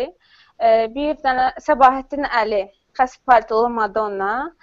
Üçüncü isə ə, bilmirəm o oxuduqlarım hansına ona yer verim. Fersən ağlı bir şey gəldi yoxsa? Yox, elə e, E, siz fikirləşənə qədər mən də öz əlavələrimi eləyəm. E, həqiq həqiqətən mənə çox böyük şeylər qazandırdığını düşündüyüm e, kitab Adam Faber'in olasılıqsız kitabıdır. E, ikinci dünya görüşü deməyək, daha doğrusu bu təsvir məsələsini deyək də, yəni o fantastik düşünməni mənə ən çox qazandıran kitab. Adam Damblast nədir? Adını aşağı yazacağam, məlumat hissəsinə yazacağam, oradan baxarsınız. O adamın yazdığı Otosopsinin qalaksi rəhbəri. Azərbaycancası yoxdur, türkçəsi var. Otosopsinin qalaksi rəhbəri 5 cildlik kitabdır. O kitab oldu. Üçüncü kitabı mən də fikirləşirəm. İndi Pəriyə qayıdaq. Aha, e, deməli mən e, tez dəftəri götürdüm orada kitabların adını yazdığım. Deməli, e, dediyim kimi e, Theodor Dreiser, Dreiser e, Jane Herard əsəri çox böyük, necə deyim, həvəslə oxuduğum bir əsər idi və e, kitabın elə ki mən onu kitabxanadan almışdım və kitabın üzündə belə e, bir təsvir var idi. Bir qız təsviri idi. Elə ki kitabı ilk dəfə başlayanda belə oxuduqca mən hansı ha- hardasa bir 10 10-cu səhifəyə gələndə o e, şəkil, o təsvir. Mənə sadəcə cavan bir qız e, anlayışı buraxırdı, bir təsvir, necə deyim, fikir buraxırdı. Amma kitabın axırına gələndə o təsvir o qədər gözümdə başqalaşdı. O qədər belə necə deyim, belə yorğun, sönük, həyatdan bezmiş bir qadın nəsə şey ver, spoiler verməyəcəm, amma yəni ki, e, o təsvir belə mənim e, kitab haqqında fikirlərimi çox belə e, aydınlaşdırmama kömək elədi. İkinci bir kitab e, Honore de Balzac Goriot əsəri. E, yəni dəhşət bir şeydir. Nəysə, bunu da spoiler ver, yəni danışsam spoiler verəcəm, ona görə e, qısa kəsim. Bir də e, Martin Paj, mən necə idi idiot oldum. E, idiot olmaq üçün möhtəşəm bir zatram. E, yəni da çox həm e, zarafat zarafatyana bir tərəfi var, həm e, bədiliyi var, həm də necə deyim, yəni səmimi bir dillə istifadə olunub deyə, bu da mənim üçün əvəz olunmaz kitablardandır. Bir də e, Ete Lilian Vonich Ovod əsəri. Bu qədər. Mən üçüncü kitab arası qərarsız qalmışam. Çünki iki, iki kitab kitab tapmaq asandır. Üçüncü biraz çətin olur ki, hansı kitabı deyim. Hə, Çünki ki, üçüncü üçüncü yerə qoymaq istədiyin daha çox kitab var deyə bilmirsən hansını ora qoyasan. Eynən. Ayan səndə vəziyyət Hə. necədir? Ə, məndə deyəsən nəsə ağlıma bu gəldi ki, Dostoyevskinin oxuduğum ikinci əsəri idi, alçaldılmış və təhqir olunmuş insanlar. Oradakı əks olunan obrazlar nəsə mənim əl ürəyimdə belə qalıb, orada əks olunan obrazların gözəlliyi. Yəni mənə təsir eləyər. Təsir böyük təsir bağışlamışdı mənə. Onun üçüncü yeri onu verirəm. E, mən də Balaca Şahzadə kitabını üçüncü yerə yazdım getdi. Hamıdan alındı, vəsə, ham hər kəs 3 kitab. tamam. E, yayınımızı durdurandan sonra xanımlar o kitabların adlarını mən yazıb göndərin. Hı -hı. Mən Aha. bölümün aşağısındakı məlumat hissəsində o adları qeyd edeyim. Və bir şey deyəcəm. Siz mənə nə dediniz? 3 kitab. Mən burada 5 kitab dedim. 5 dedin. Aha. Bax, görsən. İndi demək altı. istəyir demək Çox istəyir ki, altı. mən ya, ya, ayan, demək istəyir ki, Pəri, mən çox kitab oxumuşam. Yox, əstəğfurullah. Yaxşı onda xanımlar, belə bir sual verim. Evinizdə kiçik kitabxananız var? ya, alım yerimə dəydi. Niyə Mən yoxdur? deyim, e, niyə yoxdur? Çünki e, kitablarımın çoxu, yəni o vaxtdan başlamışam mən kitabxanadan götürməklə. Yəni onu sonra qaytarmışam. Üstəgəl e, bəzi oxuduğum kitablar mənim deyil də dostumun və yaxud dostumun dostunun kitabları olduğuna görə yenə kitab sayları azalıb. İndi nə bilim 15 arası kitablar var, amma yəni kitabxana olması üçün çox azdır yəni. Və onu daha doldurmağı düşünürəm. Yəni özüm almaq şərti ilə. Ona görə nə olacaq? Pəri, səndə vəziyyət nə yerdədir? Məndə də eynən Ayanınki kimi kitabxanadan çox götürürəm. Ona görə belə ə, necə deyim, kitabına qaytaranda ki, bu çox çətin olur. Həmin o şey ə, vaxt belə kitabına axırıncı dəfə baxışırsan və onu kitabxanaçıya təslim edirsən, o həqiqətən çox ürəyimi yaralayır və evə gələndə görürsən ki, yeni bir kitab, amma o da qaytarılacaq sözsüz ki. Ə, Və bəzi kitablar olub ki, oxuyub qaytarmışam ə, dostlarıma. Buna görə də ə, belə mən də azdır, amma harasa belə baxıram 30-u keçər. Ə, 30-u keçər, amma necə keçər də o biraz ə, müşkül məsələdir. Və ə, atamın kitabları da var. Onları da biraz ə, qoyuram ki, biraz çox görünsünlər və nəsə bir təsəlli verim özümə. Amma sonra deyirəm ki, yəni bu kita- atamın da oxuduğu kitabları biraz qırağa çəksək, mənim oxuduğum kitablar həqiqətən çox sönük qalır da. Ona görə mən də var gücümlə çalışıram ki, kitabxana eləyim, çünki çox ə, çox istəyirəm də. Ən böyük istəklərimdən biri də budur ki, yəni bir kitabxanam olsun evimdə. Çünki necə deyim, aksesuar kimi yox, amma evi dolu göstərən, evi həqiqətən mənəvi baxımdan, yəni tərəf duyur adam. Eynən, yəni səmimi göstərən bir şeylərdən biri də o kitab rəfləridir. Ümid edirəm ki, kitabxanam olar. Bəli, bu da 3 nöqtə. Deməli Avropada bir dənə araşdırma aparmışdı. Bilirsiniz ki, Avropada hər ailədə ən azından ə, lim minimum sayda olsa da kitab oxumağa üstünlük verilir. Mhm. Araşdırmaya görə kitab oxuyan 70% ailələrin, yəni atası, anası kitab oxuyan 70% ailələrin ən az 50%-i onlara baxıb kitab oxumağa başlayıb və onlar da kitab oxuyur. Mhm. Nə gözəl. Yəni bu gün sizin kitab oxumağınız, yəni bizi dinləyən dinləyicilərin kitab oxumağı gələcəkdə nəslin davam edən övladlarının da kitaba maraq göstərməsi, kitab oxuması önəmli olacaq. Çünki e, özünüzü bir dənə kiçik uşaq kimi fikirləşin. Nə edəcəyinizi ətrafınıza baxaraq edirsiniz. Bəli. Yanındakı nə edirsə, sən də onu edirsən. Yəni yanındakı kitab oxursa, artıq sən də başlayırsan kitab oxumağa. Ona görə xanımlar bir də bir şey qeyd eləyim. Bilirəm, hal-hazırda ikiniz də abituriyent olmalısınız. Aha. Təəssüflər olsun ki. E, təsvir olsun deyəndə xeyirlisi ilə gələni ikiniz də tələbə olursunuz, elə? Aha, bəli. Bəli. E, hansınız imtahan verdiniz artıq? Ə, Heç birimiz. Heç bir gələn il verəcək. Hə, hələ 10-cu sinifsiz. Bəli, Bəli. 11-ə keçdik. Amma mən mən elə bildim siz 11-ci sinifsiz. Yox, İmtahan hətta mən tanış olanda da qeyd elədim ki, 10 11-ci sinifə keçən abituriyentəm. Ha, üzr istəyirəm. Mən abituriyentəm dedin, amma elə bildim təzə imtahan verəcək olan abituriyentəm demisən. hə, xanımlar, e, gələn onda sizin üçün çətin il olacaq. Çalışın yaxşı olsun. E, belə deyim, kitab məsələsinə ürəyinizi çox sıxmayın. Mənim də özü özümə olan deyim, yəni abituriyent vaxtı evdə kitabım yox idi. E, 9-cu sinifdə oxuyanda Aras kurslarında oxuyurdum. Nil marketdən gəlib aldıqlarım var idi. Yəni 7-8 dənə kitabım var idi cəmi. Hı. E, universitetə başlayandan sonra, yəni universitetə başlayandan sonra kitab yığmağa başladım. Siz də ümid edirəm ki, e, arzunuzda, xəyalınızda olduğu, sizə böyük xeyir verəcəyini inandığınız yerə qəbul olandan sonra alacağınız təqaüdlə, ümid edirəm pulsa girərsiniz. Alacağınız təqaüddən adət eləyərsiniz hər ay ən az bir dənə, iki dənə kitab almağa. Alarsınız, böyük kitabxananız olar, narahat olmayın. O işə baxmış mən bizdə evdə vəziyyət yaxşıdır. Qardaşım da universitetdə oxuyur, mən artıq bitirdim. İkimiz bərabər başlamışdıq yığmağa. Müəyyən bir formada kitabxanamız var artıq. Kiçik rəfimiz var evdə. Sizə daha böyükləri qismət olması ümidi ilə. ümid edirik biz Ümid də. edirik. Əziz dinləyicilər, Axtaran adamı dinləyirdiniz. Dinləyirdiniz, ümid edirik ki, dinləyirdiniz. Yəni ortada kəsib tullamamısınız. Üzürlük sayında. Ya Pəri kimi tez-tez interneti söndürməmisinizsə. e, bugünkü qonağımız Pəri və Ayan idi. Hər ikisinə təşəkkür edirəm. E, bizi buralara qədər dinlədiyiniz üçün də təşəkkür edirəm. Sağ olun, salamat qalın, əziz dinləyicilər.